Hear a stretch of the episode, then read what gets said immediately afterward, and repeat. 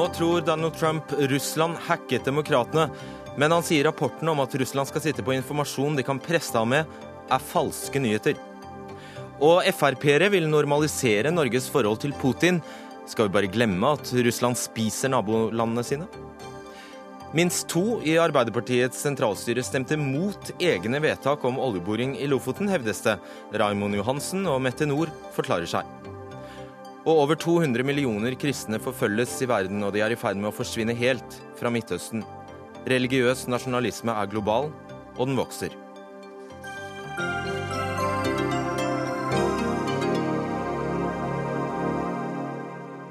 God kveld, dette er Dagsnytt 18. Jeg heter Fredrik Solvang. Ja, Dagen i dag har vært preget av eh, påstander om at Russland sitter på Trump-skandaler som de kan bruke til å presse den kommende amerikanske presidenten med. Det var CNN og BuzzFeed som først rapporterte om bl.a. en video som skulle vise Trump sammen med prostituerte i Moskva. Men nå i ettermiddag har Trump avvist hele saken som et falsum, altså som fake news. Og vi skal høre hvordan Trump for få minutter siden roste de mediene som ikke publiserte saken. Some of whom have not treated me very well over the years. Couple in particular, and they came out so strongly against that fake news and the fact that it was written about by primarily one group and one television station. Som eh, vi jo rett og slett kan kalle ved navn, heter CNN. Tove Bjørgaas, USA-korrespondent, eh, la oss ta det siste først. Du har også skrevet en sak for eh, NRK der du siterer CNN om disse påstandene om kompromitterende informasjon hos russerne. Så du har altså bidratt til dette på et vis?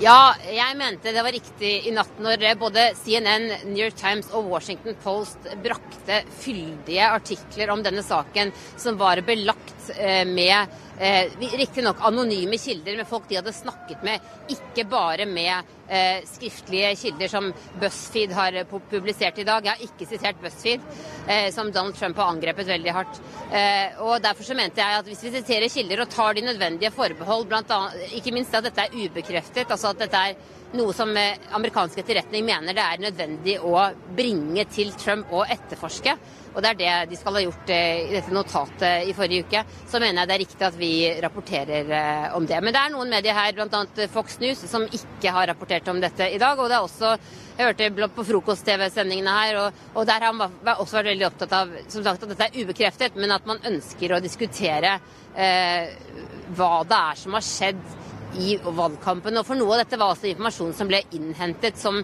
på en måte svertekampanjer, altså research av Trumps motstandere på republikansk side i nominasjonskampen for å få se om det var noe på ham i, i Russland. Dette er ganske innviklet. George Gooding, mediekritiker i gooding.no. Denne nyheten, som da Trump avviser som en uh, falsk nyhet, dundret også ut i eteren her i NRK i morges. Og det har du reagert på. Kan du gi oss et kort sammendrag av hva du mener dette dreier seg om?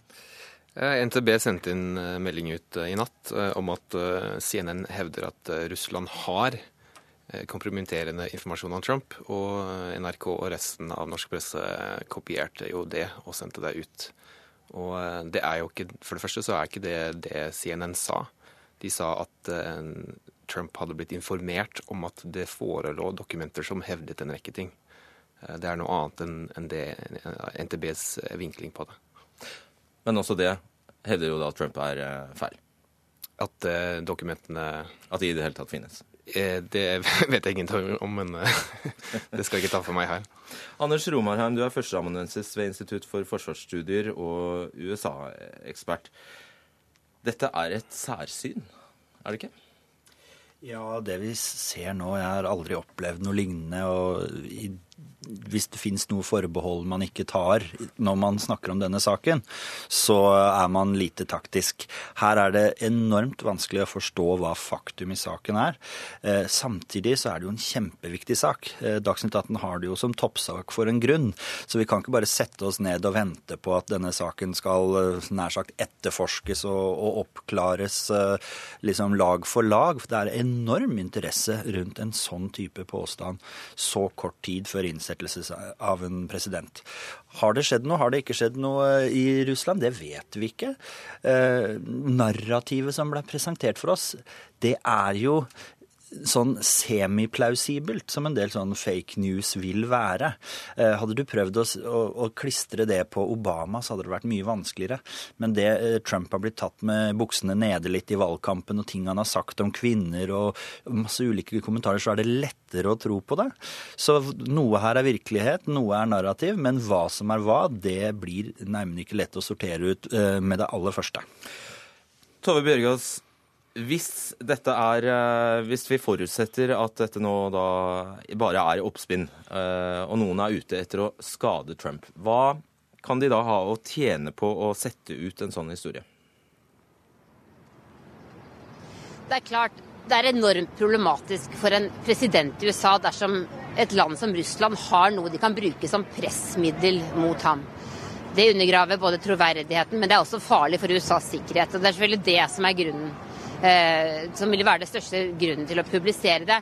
Men, men som sagt, eh, dersom det viser seg ikke å stemme, og disse store eh, mediene her, som Trump riktignok ofte har sagt, i hvert fall CNN og Washington Post, at han ikke respekterer, at han mener er ute etter å ta ham, at driver en heksejakt, at, de har, at de, alle de har publisert noe som ikke stemmer, eh, så tror jeg det vil få store konsekvenser for mediedebatten her. Og jeg opplever at vi står oppe i en helt ny tidsalder nesten eh, i amerikanske medier, eh, der det finnes propaganda absolutt på begge sider. Derfor vil jeg f.eks. aldri finne på å sitere BuzzFeed på denne saken, som altså publiserte hele dette notatet med alle detaljene.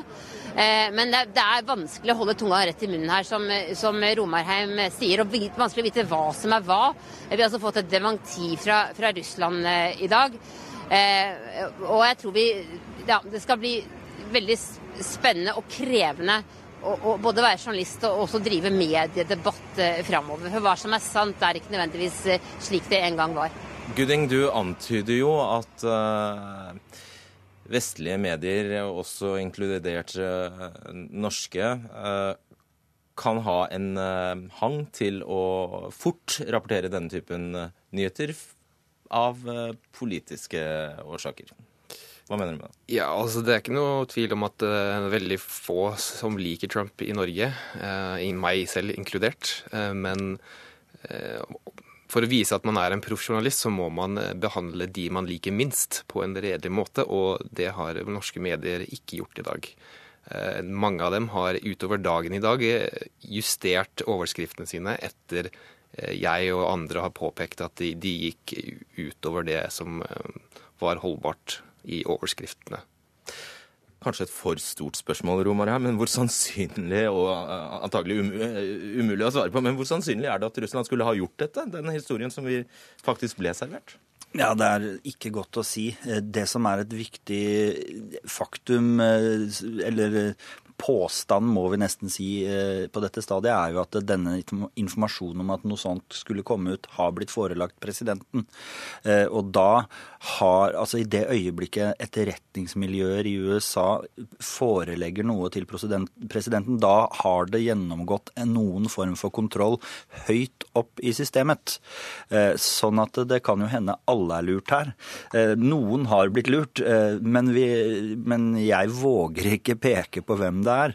Eh, men du tar ikke som leder av CIA eller Director of National Intelligence og forelegger presidenten og the president-elect en, en, løs historie hvis ikke du har noe som helst tiltro til den. Så det, det, det gir det et lite skinn av det. Men har de virkelig gjort det, eller har de bare nevnt det, hva som har foregått bak eh, de dørene her? Det kan hende vi må vente til memoarene skal skrives før vi får det, den virkelige sannheten.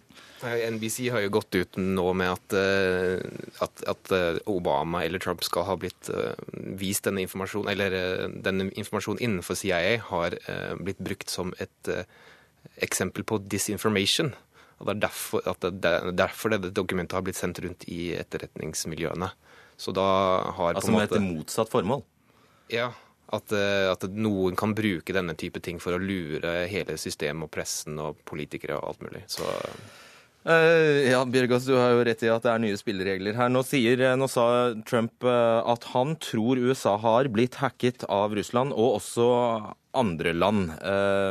Men at dersom Russlands Og han legger til at dersom Russlands president Putin liker ham, så er det en ressurs og ikke en ulempe. Hva mer har han sagt?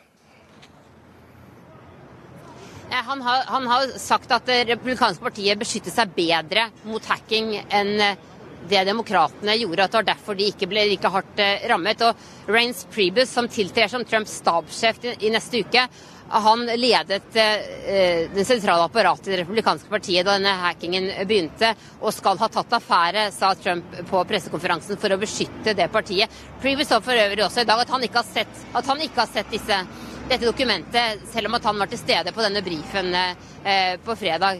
Eh, men det er altså, når det gjelder Russland, så er det klart at eh, Trump har hele tiden sagt at han ønsker å å se på forholdet til Russland på nytt. I dag sa han at han er spent på hva slags forhold han vil ha til Vladimir Putin, og avviste at han har sterke interesser i, i Russland, og at han har gjeld der, f.eks. Men han har også kritisert Obama, og det er det veldig mange som har gjort, også på demokratisk side, for å ha utviklet et ekstremt dårlig forhold til eh, Putin, og det er et problem for USA. Så, så her er det også her er det mange, mange steder i det politiske spekteret som håper på et bedre forhold til Russland. Spørsmålet er bare ja, hva, hva, eh, Trump ønsker å oppnå med, med, med, den relasjonen. Ja, og Hva er grunnen eh, Romerheim, til at Russland ønsker seg Trump så sterkt? Ja, det er uh, vanskelig å, å, klarlegge det. Eh, Russland eh, liker i hvert fall ikke Clinton. Og den utgående presidenten Altså et et eh, mønster jeg har sett i det, er at de gjerne har en sånn opptiningsprosess når du kommer en ny eh, president. George Bush og Putin gikk jo godt overens de første par årene. Og det samme med Obama og Joe Biden og reset-knappen. Og så går det litt nedover etter hvert. Så der er det nok ulike ting. Men det, det er ganske ekstraordinært, og spesielt det Trump, Trump sier i dag, at det, det, er bare dumme folk som ikke vil ha et godt forhold til Russland. Grunnen til at USA ikke har et godt forhold til Russland, eh, er at Russland har annektert Krim. Så er, skal du bare være Skal ingenting ha konsekvenser da i det internasjonale samfunn, og du skal bare glatte over alle ting? Det er jo i praksis det Trump sier. Eh, samtidig så søker han jo aktivt konfrontasjoner med Kina over eh, det han mener er uredelig handel og valutafiksing osv. Så, videre. så det, det, er ganske spesielt eh, utsyn den eh, innkommende presidenten har til verden. Og Du ga oss egentlig en veldig fin bro over til eh, neste innslag. Takk skal dere ha. Tove Bjørgaas, Anders Romarheim og George Gooding. Dagsnytt 18 alle hverdager kl 18.00 på NRK P2 og NRK2. For Norge bør ta til orde for å avvikle sanksjonene mot Russland og innlede et bedre samarbeid med Russland og Putin, skrev Carl I. Hagen på Facebook etter at Obama da hadde kastet ut eh, russiske diplomater. Avisen Minerva fulgte opp, og jaggu viste det seg ikke at det finnes, finnes flere i Frp som mener Norge må få et mye nærmere vennskap med vårt naboland i øst, stikk i strid med den politikken regjeringen Frp sitter i, fører. Og Ulf Leirstein, stortingsrepresentant for eh, Frp altså Hagen skrev det var smålig av Obama å utvise russiske diplomater, og smart av Putin å reagere på ved å invitere amerikanske diplomater på julefest. Enig i det? Ja, Jeg vil ikke bruke samme ordene, men eh, mitt poeng har jo vært at vi var alle enige om at vi skulle innføre sanksjoner mot Russland eh, pga. annekteringen eh, av, av Krim. Så det er vi altså ikke uenige om at vi skulle gjøre. Så er jo spørsmålet hva gjør vi nå, eh, etter så lang tid? Eh, vi har et ganske surt forhold mellom Vesten og Russland. Og det jeg stiller store spørsmålstegn med, er om Norge og Vesten er tjent med å ha eh, dette forholdet til Russland. Jeg tror tvert imot. Vi må begynne å prate med dem, vi må ha dialog med dem. Og For Norges del så har vi også en grense med Russland, så det er faktisk avgjørende viktig at vi har et godt forhold til et av våre naboland. Norge kan jo antagelig gjøre veldig lite annet enn eh, det, det øvrige Nato gjør her. Hva er det du tar til orde for, egentlig? Nei, altså Hvis man skal eh, slutte med sanksjonene eller starte ny dialog, eller hva man skal gjøre annet enn i dag, så må noen begynne å prate om det. Eh, mitt utgangspunkt, eh, den gangen jeg også var en av de få som støttet Trumps kandidatur, det er jo fordi at Trump har tatt til orde for en ny dialog med Russland. Eh, jeg mener det er helt avgjørende også for verdensfreden på sikt at Russland, USA har en dialog, prater sammen, eh, og ikke minst også kan samle sammen en del av de virkelig store utfordringene vi nå har, ikke minst når vi ser hva IS, den islamske stat, har stelt i stand. Så mitt poeng er å starte en debatt, være med i debatten. Og så håper jeg at Norge etter hvert, også Europa og USA, vil ha en sånn annen holdning til dette. her. Sveinung Rotevatn, eh, stortingsrepresentant for eh, Venstre. Vi kan vel ikke basere oss på et evig elendig forhold til Russland? Det er på ingen måte et mål å ha et eh, elendig forhold til Russland. Det er heller ikke et mål i seg selv å ha sanksjoner mot Russland. Men det må gå noen grenser. Og de grensene går når du invaderer andre land sine grenser. Bakgrunn... det er jo lenge siden, sier Lersen. Ja, og så skal en på en måte bare si at da var det greit, da. Er det det som er hensikten her? Russland har altså invadert et europeisk land, annektert deler av det, og står fortsatt inne i det landet med styrker, og det pågår en krig. Sanksjonene kom som en konsekvens av det. Og jeg mener at det er særlig viktig for små land som Norge at folkeretten blir respektert. Altså De store landene de kan klare seg uten folkeretten og internasjonale avtaler. De kan i stor grad gjøre som de vil, med mindre enn holder dem til ansvar. Og jeg tror på ingen måte det er Norges interesse at vår største og sterkeste nabo ikke skal få et klarsignal fra Vesten om eh, at, det, at, det bare invaderer sine naboland. Det er ikke i norsk interesse, og jeg har problemer med å forstå at noen i Frp skal mene at det å være ettergivende her er klokt på vegne av Norge. Svar kort på det, Lerstein. Nei, altså Det jeg lurer på, er jo egentlig hva Rotevatn og, og, de som er da for å videreføre sanksjoner og det å videreføre en utfrysning av Russland skal oppnå. Eh, jeg tror signalet er tatt av Russland, at vi ikke likte i Vesten det man gjorde på Krim. Og jeg tror de skjønner at vi ikke liker det fortsatt. Men hva er alternativet? Skal vi invadere Russland? Skal vi gå til eh, militære angrep på Russland på Krim? Altså, Hva skal vi gjøre? Skal vi fortsette med å bare utvise diplomater, beslaglegge bankkontoer og nekte innreise av diplomater? Eh, så er altså det greit. Det er virkemidler. Vi har gitt sanksjoner. Vi har sagt hva vi mener. Men skal vi også stole på at det er bra for verdensfreden at man isolerer Russland? At de sitter i Kreml og finner ut selv i sitt eget hode hva de skal gjøre framover? Det tror jeg ikke er lurt for verdensfreden. Så vi må også begynne å ha en dialog med Russland. Det tror jeg er veldig klokt. Julie Wilhelmsen, seniorforsker ved Norsk utenrikspolitisk institutt. Om vi hadde fulgt oppskriften til eh, Leirstein, løftet sanksjonene, forsøkt tatt til orde for, for tøvær mellom USA og, og, Russland, hva hadde Russland oppfattet? Um, jeg vet ikke. Jeg har egentlig lyst til å kommentere debatten først. Ja, vær så god. Eh, for det, det som er veldig slående når man sitter litt sånn på utsiden og, og ser på den norske debatten, det er at det er en slags Eh, polarisering, og at den går i, i, i vante spor, hvor eh, det settes opp veldig enkle bilder. altså Enten så skal man være Russlands venn, eller så skal man være totalt Russlands fiende.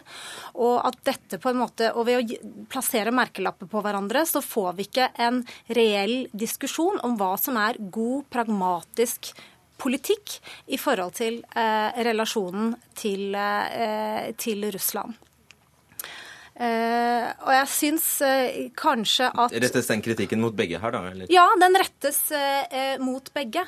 Men kanskje spesielt mot det som jo har vært mainstream, nemlig disse to argumentene om at hvis vi nå f.eks.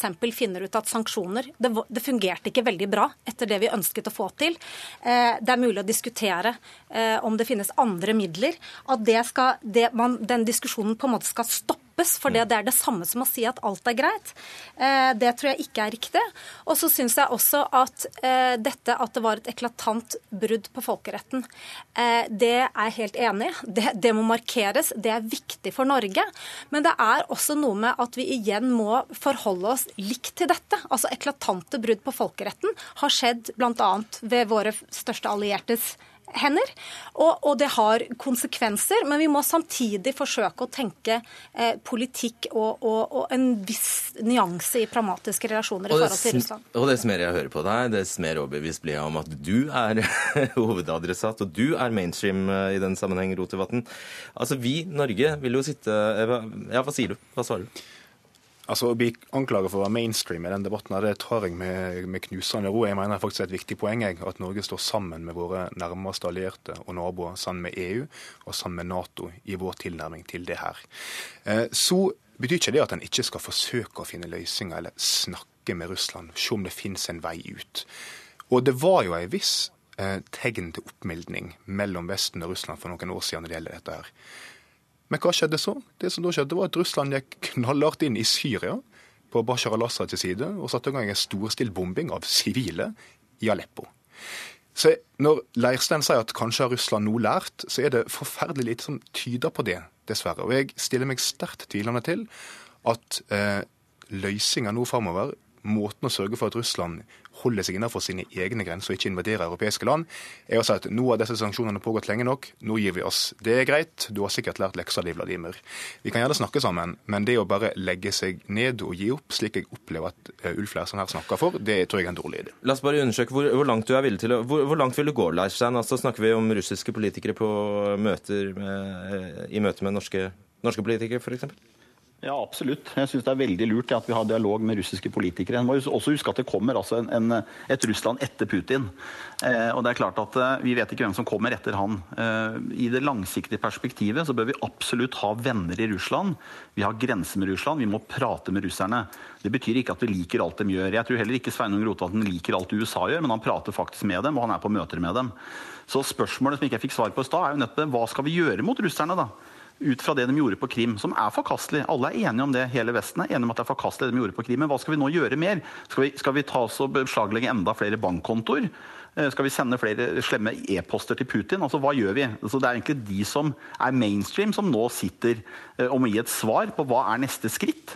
Eh, jeg mener disse isfrontene det er ikke fornuftig. Og Heldigvis så er det nå 20.1 innsettelse av ny president i USA, som har hvert fall sagt at han ønsker en dialog med Putin og russerne.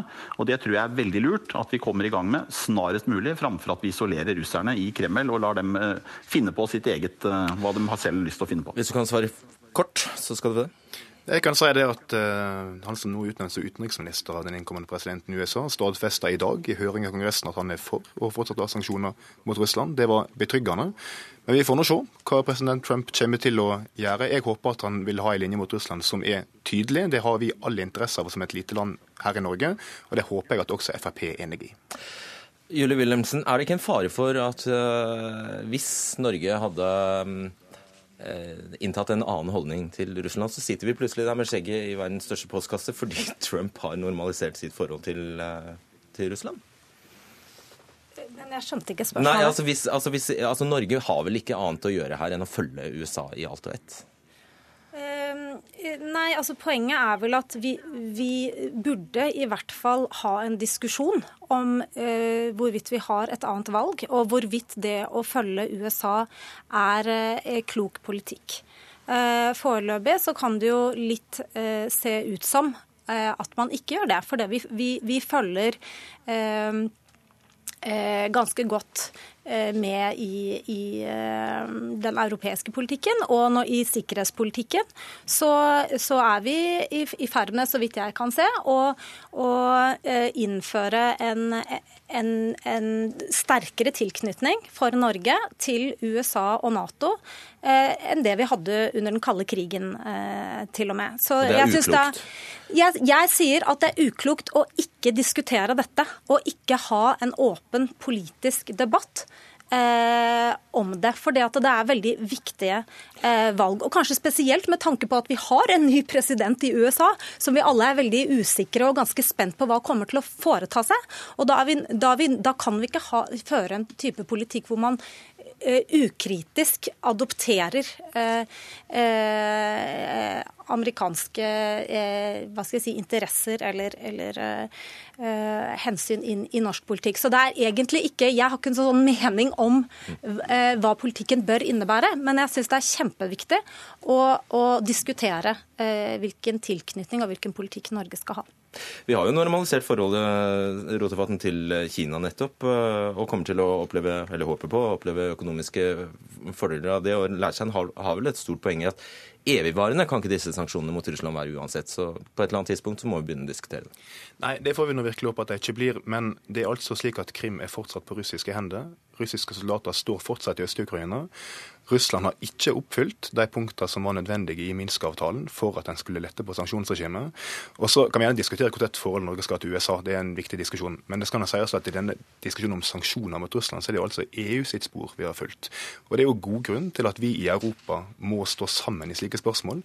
Våre allierte på Baltikum er nervøse, med god grunn, som er land som er vant til at Russland har tatt seg til rette.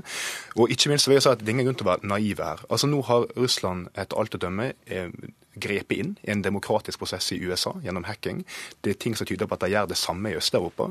Og det at en nå skal begynne å mildne opp et sanksjonsregime mot dette landet, det tror jeg er en eh, uklok vei å gå. Og til, til slutt, Leirstein, er du egentlig så fri som du skal ha det til? Kan en representant for regjeringspartiet Frp ta til orde for en fundamentalt annen utenrikspolitikk for Norge enn den uh, Frp offisielt fører? Altså Norge følger jo stort sett alltid EU, eh, og EU følger vel stort sett alltid USA. Eh, så her dilter alle etter hverandre. Selvfølgelig må jeg som medlem av parlamentet i Norge få lov til å mene Eh, å initiere debatter og diskutere dette spørsmålet. Eh, jeg tror det er mange flere, eh, ikke bare i Fremskrittspartiet, men mange andre partier også, som ser at vi nå har kommet på mange måter i en hengemyr. Og hvordan skal vi komme ut av det?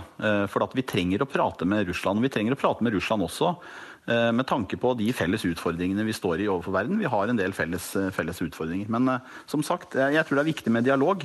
Prate med dem. Hvis ikke så, så tror jeg det, dette blir bare verre og verre.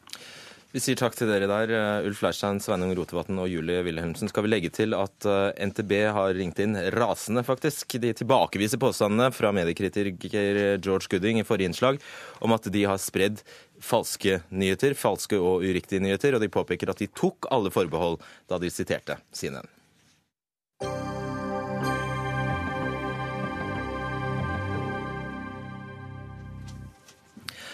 Mandag kveld kom altså kompromisset fra Arbeiderpartiets sentralstyre, som eh, er det samme som programkomiteen i det partiet, om eh, oljeleting i Lofoten, Vesterålen og Senja. Arbeiderpartiet vil gi varig vern til Lofotodden, utsette konsekvensutredning for de landnære områdene Nordland 7 og Troms 2, men starte konsekvensutredning av Nordland 6. Mette Nord, du er leder i Fagforbundet. 17.10 gikk du ut i VG og utdypet eh, Fagforbundets vedtak. Norges olje- og gassproduksjon må trappes ned i tråd med målene i Parisavtalen. Dette gjelder særlig sårbare og verneverdige områder. Og Da bekreftet du at det gjaldt Lofoten, Vesterålen og Senja. Det stemmer. Det stemmer. Er du klar, altså, eh, er du klar over hva du har gått inn for nå? Ja, og La det aldri være noe tvil om at Fagforbundets primære standpunkt er vern av sårbare områder og si nei til eh, petroleumsaktivitet her. Men det standpunktet vi, eh, vil vi da fortsette å kjempe for. Men likevel altså. så har vi altså fått gjennomslag for delvis vern og strengere regulering som flytter både LO og Arbeiderpartiet i en mer miljøvennlig retning. Så vi mener at det er uh, stor optimisme knytta til det kompromisset, og at det har flytta politikken i en mer miljøvennlig retning for både Arbeiderpartiet, men så også skal jo vi ha en kongress i LO. Du har fått gjennomslag for delvis vern, sier du. Hvor mye olje er det påvist i de områdene du nå har fått gjennomslag for å verne? Nei, men Dette henger eh, sammen. Og Nå har vi altså ja, fått eh, sagt nei til konsekvensutredning av Nordland 7. Nei, men nå må du høre på det jeg har eh, å bidra med i den sammenhengen.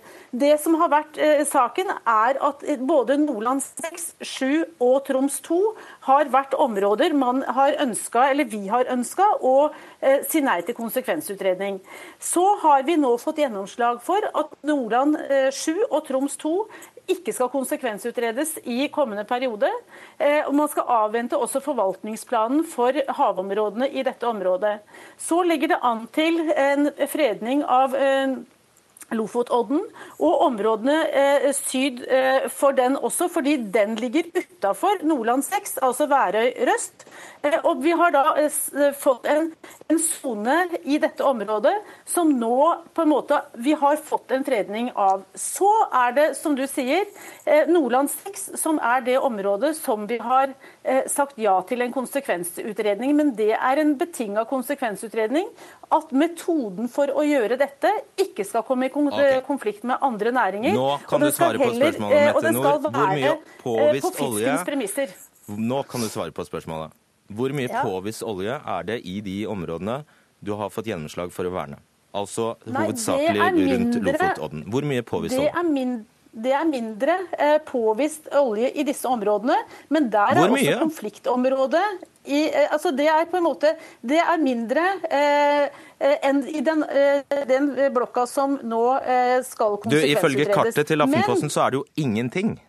Poenget mitt er at sokkelen på dette området er så sårbar at den ikke er forenlig med Eh, både fisk og olje.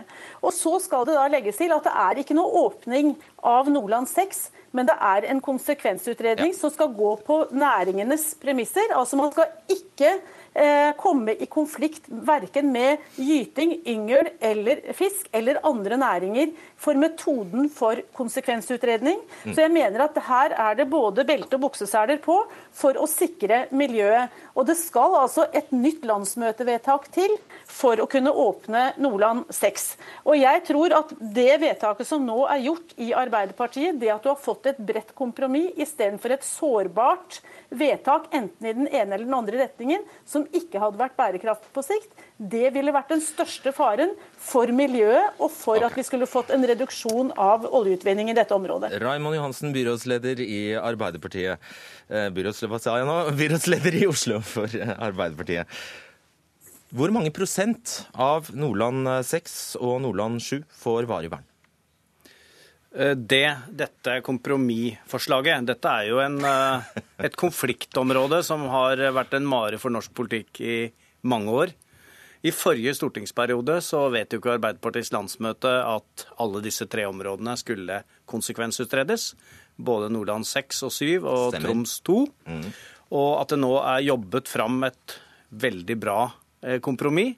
Både at Lofotodden skal bli en nasjonalpark, at vi skal ha petroleumsfrie områder, og også at hele Vestfjorden skal defineres eh, som eh, petroleumsfri, mener vi er veldig viktig. Og ikke minst det at man har bestemt at i neste periode så skal ikke Nordland 7 og Troms 2 Eh, konsekvensutredes. Alle legger merke til at ingen av dere svarer på spørsmålene. bare så det er klart. jo da, men bare still spørsmål. Du, jeg Fredrik, jeg svarer mer enn gjerne. om hvor, hvor, stor prosent av Nordland 2, Nordland 6 og Nordland 7 som får varig vern.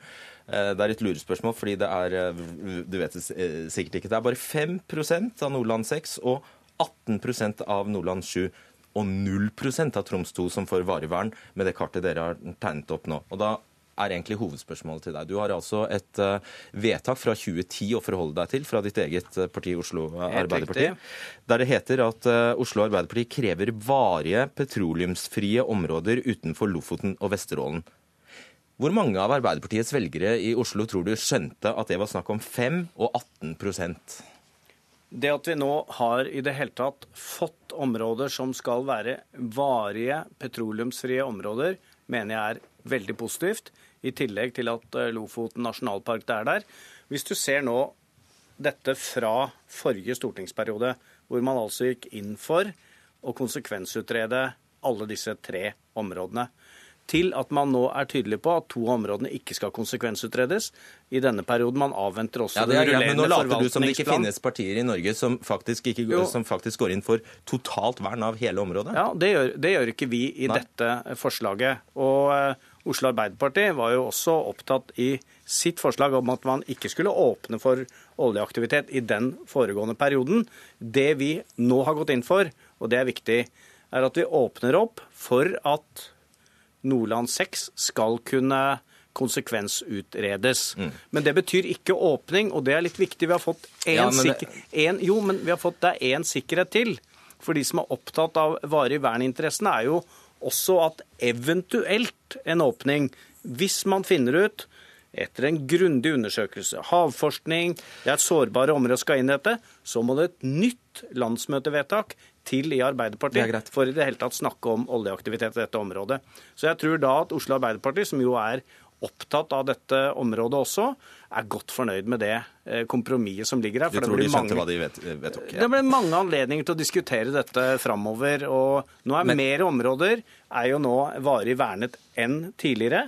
Og man skal ikke konsekvensutrede området man tidligere bestemte seg for. Så det er ingen tvil om hvilken retning denne saken går i. Og dette er et godt kompromiss som jeg tror reelle Arbeiderpartiet vil kunne stå bak. Mette Nord, kan du nevne ja. én faginstans som har uttalt seg om fisk som anbefaler å åpne for boring ved Røst. Altså dere har satt streken rett gjennom Røst. Vi har, men jeg, som jeg sa, Fagforbundet har den samme holdning som vi hadde 17.10. Kan du svare på spørsmålet? Kunne... Det, finnes det slike faginstanser som sier at det er greit? Nei, det er, og jeg sier at det, og vi støtter opp under de faginstansene og eh, mener at man bør eh, rette seg etter det. Ja, men hvordan men kan du tegne, være med å tegne et sånt kart da?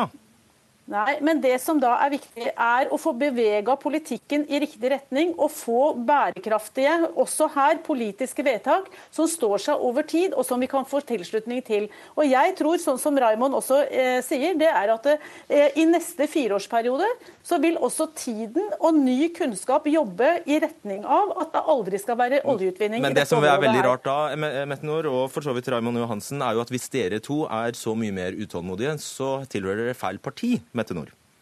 Nei, nå, Nei, fordi det handler om en helhetlig politikk på flere områder. Sånn at det er, eh, Og jeg tror at Arbeiderpartiet i denne saken her også vil bevege seg i riktig retning. Og når vi ser, leser resten av dette kapitlet, eh, så sier det også at man erkjenner at skal man nå målene i Parisavtalen, så må mer av fossil energi bli liggende på verdensbasis. Også ikke bare køl, mm. men eh, også olje. Så her handler det om å se ting i en helhet.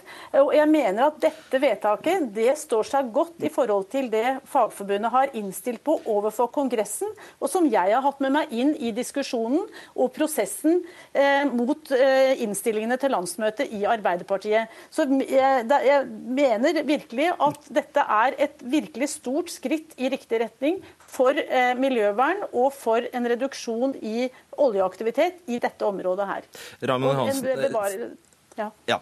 Eh, er, altså, du, du, du, sier at det skal, må et landsmøtevedtak til eh, eventuelt før Nordland 6 blir eh, åpnet. Det er, klar, det er, skrevet 93 rapporter om utvinning i disse områdene siden 2002. Og samtlige rapporter som dreier seg om fisk, sjøfugl, koraller og sjøpattedyr, er helt entydige på at dette er for sårbart for petroleumsutvinning. Hva er det du vil vite da gjennom en, hva er det du vil ha svar på gjennom en konsekvensutredning som du ikke allerede vet? Altså, nå er det jo en Veritas-rapport som går i en noe annen retning, men det kan aldri være feil. Ja, den, helt, den, sa for øvrig at det vil ta tre til ti år før, helt, før stammen, torskestammen vil klare å bygge seg opp igjen etter et oljesøl. Det er helt ja. riktig at dette er et uh, sårbart område. Vi kommer til å ønske å leve av fisk for uh, uendelig framtid. Så er det jo Det kan da ikke være galt å hente inn mer kunnskap. Vi har en kunnskapsbasert oljeutvinning uh, i Norge det at vi nå skal finne mer kunnskap Det er galt hvis man allerede nå vet det ikke er lurt? Altså, Mange ting tyder på at dette ikke er lurt. Men det å hente inn, og vi blir jo stadig klokere, vi får stadig mer kunnskap, det skal legges til grunn med en, med en eh, konsekvensutredning her. Så får vi heldigvis anledning til i dybden å diskutere de funnene. Og så skal man eventuelt diskutere igjen om man skal åpne disse områdene. Men det er klart at vern har kommet enda sterkere inn i dette kompromissforslaget som ligger her. Og jeg tror alle egentlig kan leve veldig godt med dette gode, eh, gjennomarbeidede forslaget. Og jeg tenker at det er det at det er flere, eh, og at det blir både eh, en fornya, oppdatert kunnskap, men også at det er flere som tilslutter seg denne, så blir da eh, vedtakene i framtiden også bedre. Og jeg tror at det går i riktig retning, slik at målet om verning i dette området blir resultatet på sikt. Takk, Mette Nord, Raymond Johansen. Hør Dagsnytt 18 når du vil. Radio NRK Radio.nrk.no.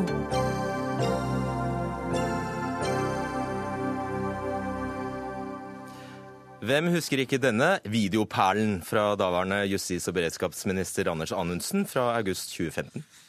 Vi skal snakke om politi, vi skal snakke om eh, domstoler, vi skal snakke om påtalemyndighet. Vi skal snakke om kriminalomsorg, og vi skal snakke om asyl- og innvandringspolitikk. Og vi skal snakke om det på vår måte, ikke med de vinklingene som NRK, Aftenposten, VG, Dagbladet ønsker å kjøre. Ja, denne skrytevideoen 'Trygghet i hverdagen', som kom rett før valget, ble jo svært omstridt. Da stilte jo mange, mange, i pressen spørsmål om hvem var det Amundsen hadde fått hjelp av, hva hadde denne videoen kostet, deltok embetsverket i, eh, i, produksjonen av en reklamefilm for Frp, osv. osv. Men da pressen eh, ba om formelle svar på disse spørsmålene, ja, da fantes ikke dokumentene rett og slett i arkivet. De var ikke journalført. Og så dukker de opp først to måneder etterpå. Siri Gjeddedal, leder av Pressens offentlighetsutvalg. Dette er eh, dette er kanskje et skrekkeksempel, eh, og i dette tilfellet innrømmet jo departementet at de ikke hadde fulgt eh, rutinene de faktisk har. Men er det typisk likevel?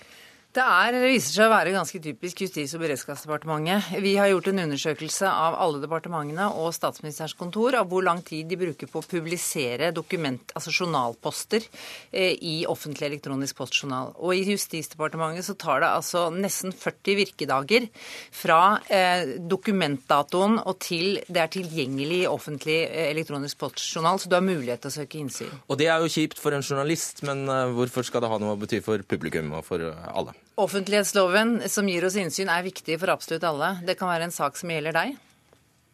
For eksempel? Og da skal du ha innsyn før det er avgjort. Og det kan det gjelde en brennbar politisk sak som, der man trenger, eh, trenger ja, svar før saken er ferdig. Det er mange eksempler på at saker holdes tilbake fordi de vil unngå politisk debatt. Det kunne vært sånn at Justisdepartementet var her for å forsvare seg, men det ønsket de ikke. Vi har fått et skriftlig, eh, vi har fått et skriftlig sitat her, eh, som det skal sies kom helt på tampen her og rett før sending. Dette er ikke bra nok. Departementet har redusert publiseringstiden gjennom ulike tiltak i løpet av det siste halvåret. Bedring av vilkårene for innsyn i departementsvirksomhet har fortsatt høy prioritet. Det er gjort avtale med Arkivverket om bistand i dette eh, arbeidet. Kjetil Reithaug, du er fagdirektør i seksjon for eh, dokumentasjonsforvaltning i det angjeldende av Arkivverket. Eh, fra, eller først Forklar hvem dere er. Arkivverket det er Riksarkivet og Statsarkivet, Statsarkivene og eh, Samisk arkiv. Ja. Og blir leder av Riksarkivaren. 39,4 virkedager, altså fra et dokument oppstår til det faktisk blir tilgjengelig for noen andre. Bekymrer det da? Eh, ja, på sett og vis så gjør det det. Eh, ikke nødvendigvis av samme årsaker. Det er også som journalisten er opptatt av, men eh, først og fremst fordi arkivet i seg selv og som eh, dokumentasjon for virksomheten selv ikke nødvendigvis har godt av å vente så lenge på å bli journalført. Mm. Og hvorfor er det så viktig? Eh, det, arkiv blir laga for å drive god saksbehandling, for å dokumentere, for å undersøke og finne ut, og etter hvert dokumentere hva man har gjort.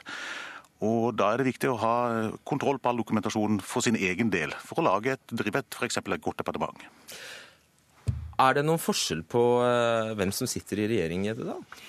I Justisdepartementet så kan det se ut som det er det, for der har vi funnet et hopp. Altså eh, I eh, juni 2014 så blir det plutselig veldig mye lengre tid eh, fra altså det, Da begynner det å øke gradvis fra rundt 20 dager og opp til denne snittet på 40 dager som de blir liggende på seinere.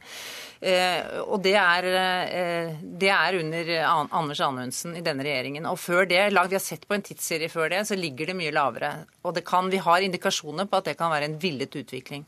Hva kan han ville ville med det? Han ville, altså, ville, diskutere saker i fred uten eh, offentlig debatt, uten politisk debatt om det. Vi gjengir i denne rapporten en, eh, et referat fra et styringsmøte mellom eh, Justisdepartementet og Politidirektoratet, hvor det står under overskriften 'innsyn' at vi må finne rutiner så vi kan jobbe med saker uten at det blir kjent utad i en innledende fase. Det tolker vi som et forsøk på å påvirke f.eks. Eh, journalføringsrutiner. Så eh, representantene, eller da Arbeiderpartiet, eh, satt ved makten, så var dette faktisk bedre?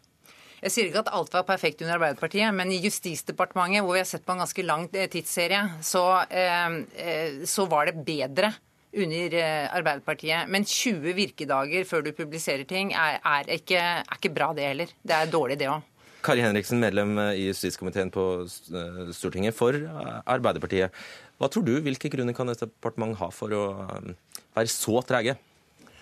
De vil jeg egentlig ikke spekulere i, når, eh, på dette tidspunktet i hvert fall. Men det som jeg syns er veldig alvorlig sånn fra en politikers ståsted, det er jo at eh, den type informasjon som pressen er så dyktig til å få fram, og som de også har funnet her, bidrar jo, hvis det, er, hvis det nå viser seg å være sånn at det er eh, politiske årsaker til at en trenerer saker, eh, så er det det kan føre til en grunnleggende rokering av den tilliten vi er så avhengig av mellom innbyggerne og staten når det gjelder det å faktisk forvalte viktige eh, forhold knytta til meg som enkeltindivid og staten. Og Justisdepartementet er det departementet som faktisk forvalter det aller viktigste og det som kan være mest inngripende for oss mennesker. Det er fengsling, det er straff, det er statsborgerskap. Det er kjempeviktige områder.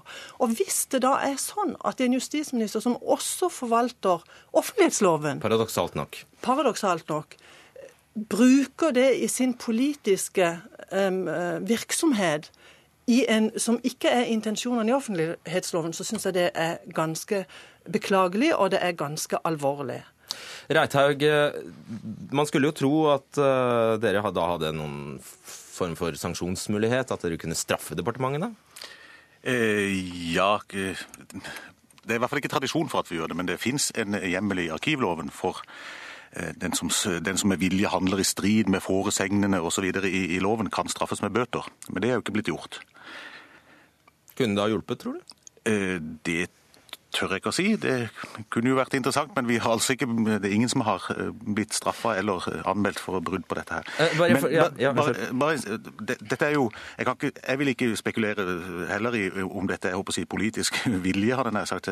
Som Nei, vi kan tenke selv. Men vi, men vi kjenner igjen alle disse problemene fra kommuner og fylkeskommuner og fra eh, forskjellige departementer at dette er vanskelig og det er mange som sliter med dette her, uansett hvem som sitter i, i, i førerstolen. Så, så, er det vanskelig? Er det teknisk vanskelig? Er det praktisk tek, vanskelig? Teknisk vanskelig er det ikke, men dette, dette, dette er fag. Og, dette, og, det å kunne og vite hva som skal journalføres, og hvordan det skal gjøres, og hvordan dette skal virke, det, det krever opplæring og ressurser og tid og, og, sånn, og da må man prioritere det. Og det er kanskje det som er utfordringa mange steder, at det, skal, det, er en ledelsesjobb å prioritere dette, sånn at dette blir gjort i departementet eller i kommunen. Eller det er vanskelig ja. å arkivere, i et detalj. Det er det det ikke. Dette her er bla, bla, bla i forhold til alvoret i denne rapporten. Altså, Riks... Arkivverket har ansvar for å se etter arkivforskriften som, som, regulerer journalføring. De har i og for seg ikke ansvar med å passe på offentlighetsloven, men jeg syns det er ganske sjokkerende å høre at de egentlig gir blaffen i den. Det er samme med offentlighetsloven, bare det står riktig i papirene våre. Og det tilsynsansvaret de har med journalføringen, de syns jeg er langt under pari. De sender et høflig brev når de får en klage en sjelden gang. Og så skriver Justisdepartementet at det er en beklagelig svikt i våre rutiner. Og så sier ja vel, sier de, og så sender de ikke noe mer brev, og så skjer det ingenting. Det er ingen sanksjoner, aldri en en bøtelegging. Og dette holder ikke, altså. Og de har heller ikke gjort noe særlig offensivt, så vidt jeg vet, for å klargjøre hva man kan forvente av antall virkedager på å gjøre dette ferdig i journal og tilgjengelig for eh, allmennheten. Og det er alvorlig. Ja, Det må du svare på, Rette. Ja, eh, Det var flere ting her. Så når det gjelder tilsyn, så vi, er vi nettopp uh, av forskjellige årsaker gått gjennom en stor omorganisering i Arkivverket. Der vi bl.a. har samla ansvaret for tilsyn og veiledning i en egen seksjon, sånn at vi skal bli bedre på dette. For det, det kan vi helt fint gjøre og bli bedre på. Og kanskje også da eh, tydeligere og strengere. Eh, det er også noe som vi diskuterer internt, om vi skal bli tydeligere og strengere på f.eks. dette her. Men, men, eh, det å journalføre, det skal vi legge oss opp i og kritisere og, og lete på, er på, på jakt etter og, og ferdigstille dokumenter. Men det å, eh, når det kommer ut på offentlig journal på OEP, det, eh, det, kan ikke vi legge oss opp i, selv om vi ikke helt skjønner at det skal ta så lang tid, vi heller, eh, å legge ting ut. Okay, Nei, vårt poeng er at det skal skje automatisk etter at du har journalført det, så må du kunne. Det er jo tekniske muligheter til å publisere det helt automatisk, og det må skje. Og det må politiske myndigheter sørge for at det er en rutine. Henriksen, vi må bare litt tilbake til hvorfor dette angår folk. Ja, fordi, blant annet fordi at vi lever nå i en tid der nyheter eh, skjer raskt. Altså Det omsettes nyheter hver eneste time, hele tida.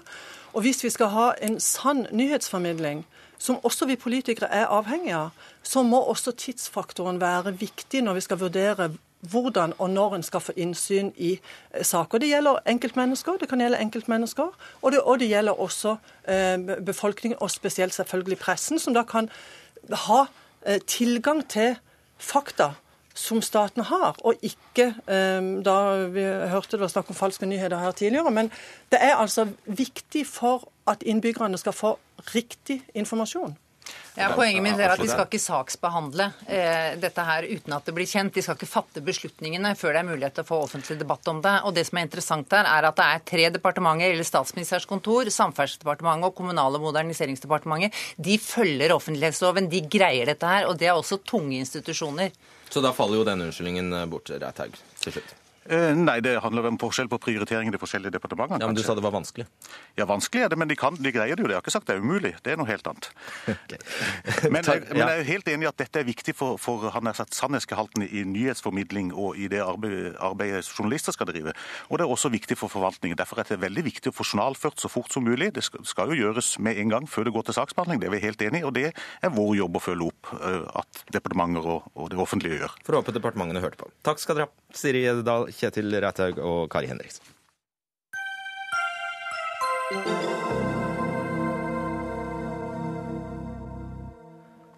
I dag opplever over 215 millioner kristne høy grad av forfølgelse pga. sin tro, skal vi tro organisasjonen Åpne dører. I dag lanserte de World Watch List, eller Forfølgelseslista, der de ønsker å sette på dagsorden de 50 landene der kristne betaler en høy pris for sin tro. Og det skjer i en verden der vi har opplevd en bølge av eh, etnisk nasjonalisme det siste året. Morten Askeland, du er generalsekretær i eh, Åpne dører, tegner altså et bilde som viser en utvikling eh, med stadig større grad av forfølgelse av kristne. Hvor ille er det? Ja, Som du har fortalt, så i de 50 landene hvor det er mest forfølgelse av kristne, så har vi funnet ut at det er 215 millioner som blir forfulgt. Det har vært en økning de siste fire årene. Eh, ja, en forsiktig økning. Eh, eh, for 15. år på rad så er Nord-Korea på topp. Og det er vel ikke overraskende for de som kjenner litt til hva som skjer omkring i verden. Der er det veldig ulovlig å tro i det hele tatt? Ja, der er det veldig ulovlig. Og der er det heller ikke F.eks. mor eller far som er kristen, vil ikke tørre å fortelle sine barn. Men hovedbildet, da? Hvor er det de kristne forfølges i verden i dag? Det er sånn at Ca. 100 millioner av disse er i Asia. Eh, og så er det også fordelt andre steder omkring i verden. Det har vært en økning eh, eh, i Asia i det siste. Og det, så Fem av de seks landene som vokser mest på listen, de er nå fra Asia, Sørøst-Asia. Gi noen eksempler er du snill, på hva forfølgelse vil si. Ja, Det, vel, det, kan, si, det, det kan, bety at det, noen steder eh, så kan de ikke ha en bibel. Noen steder så eh, altså, altså, noen blir drept. Vi har eh, mellom 1000 og 2000 som blir, eh, som blir drept hvert år. Eh, for eksempel I Pakistan så har vi jenter som blir, blir bortført, blir voldtatt, blir tvangsgiftet og tvangskonvertert konvertert. Eh, eh, det er ca. to stykker hver dag i Pakistan som opplever dette. Eh, det er folk som, som, må slutte å samles som kristne fordi at de, de blir truet og stedene de samles på, blir ødelagt. Mm.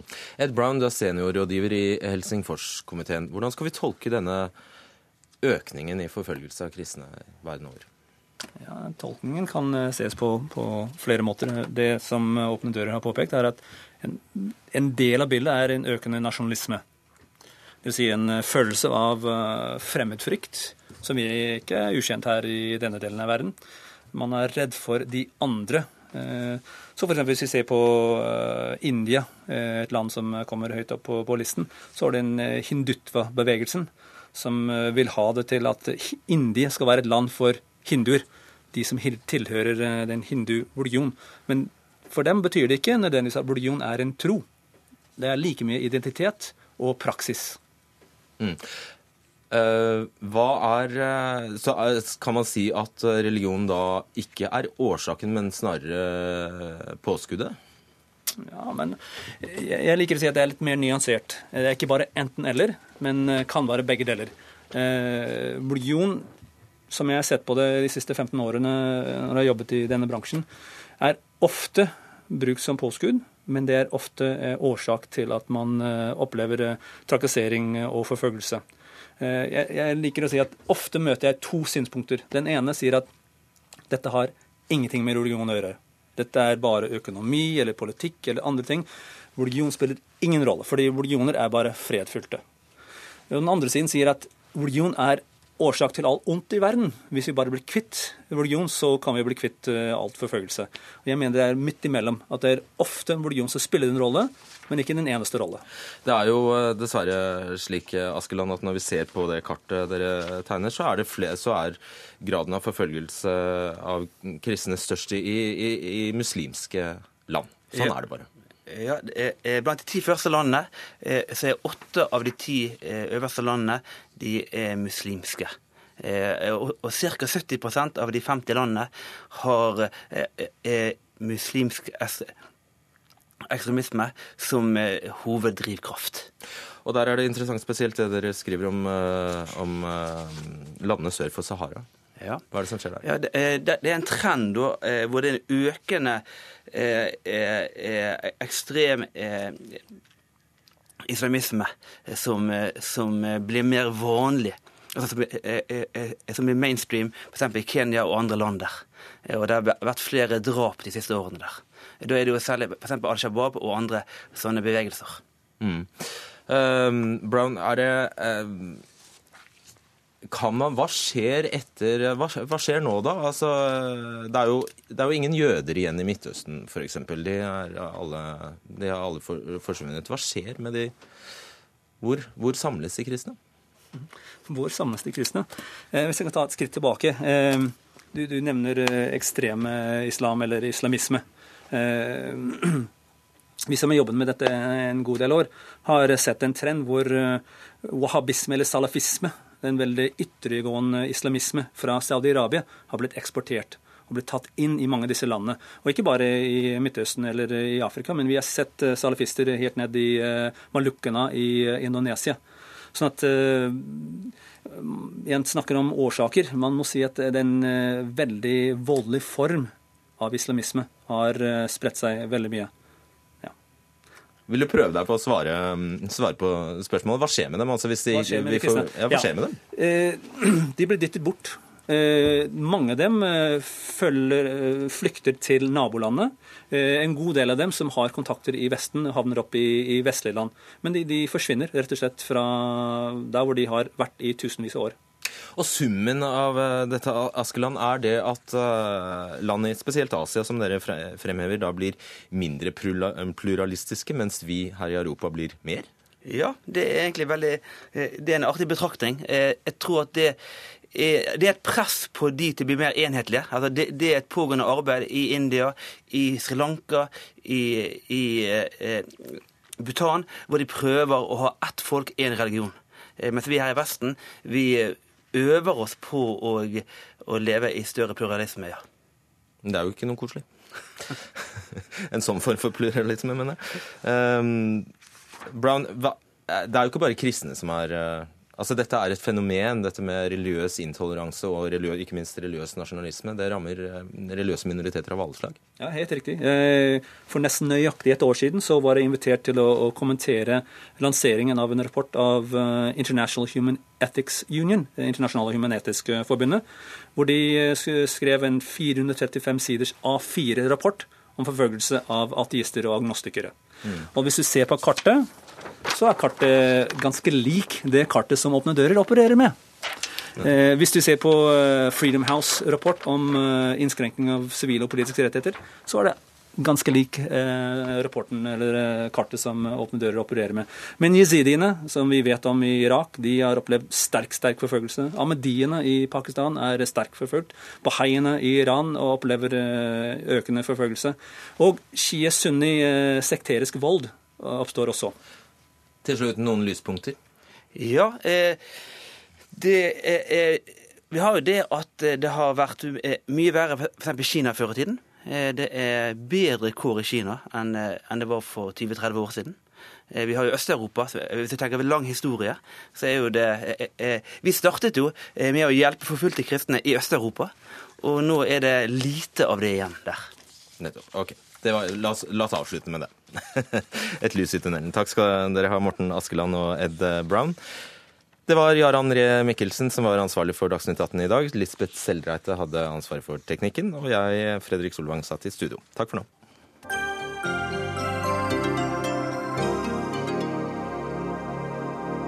Hør flere podkaster på nrk.no podkast.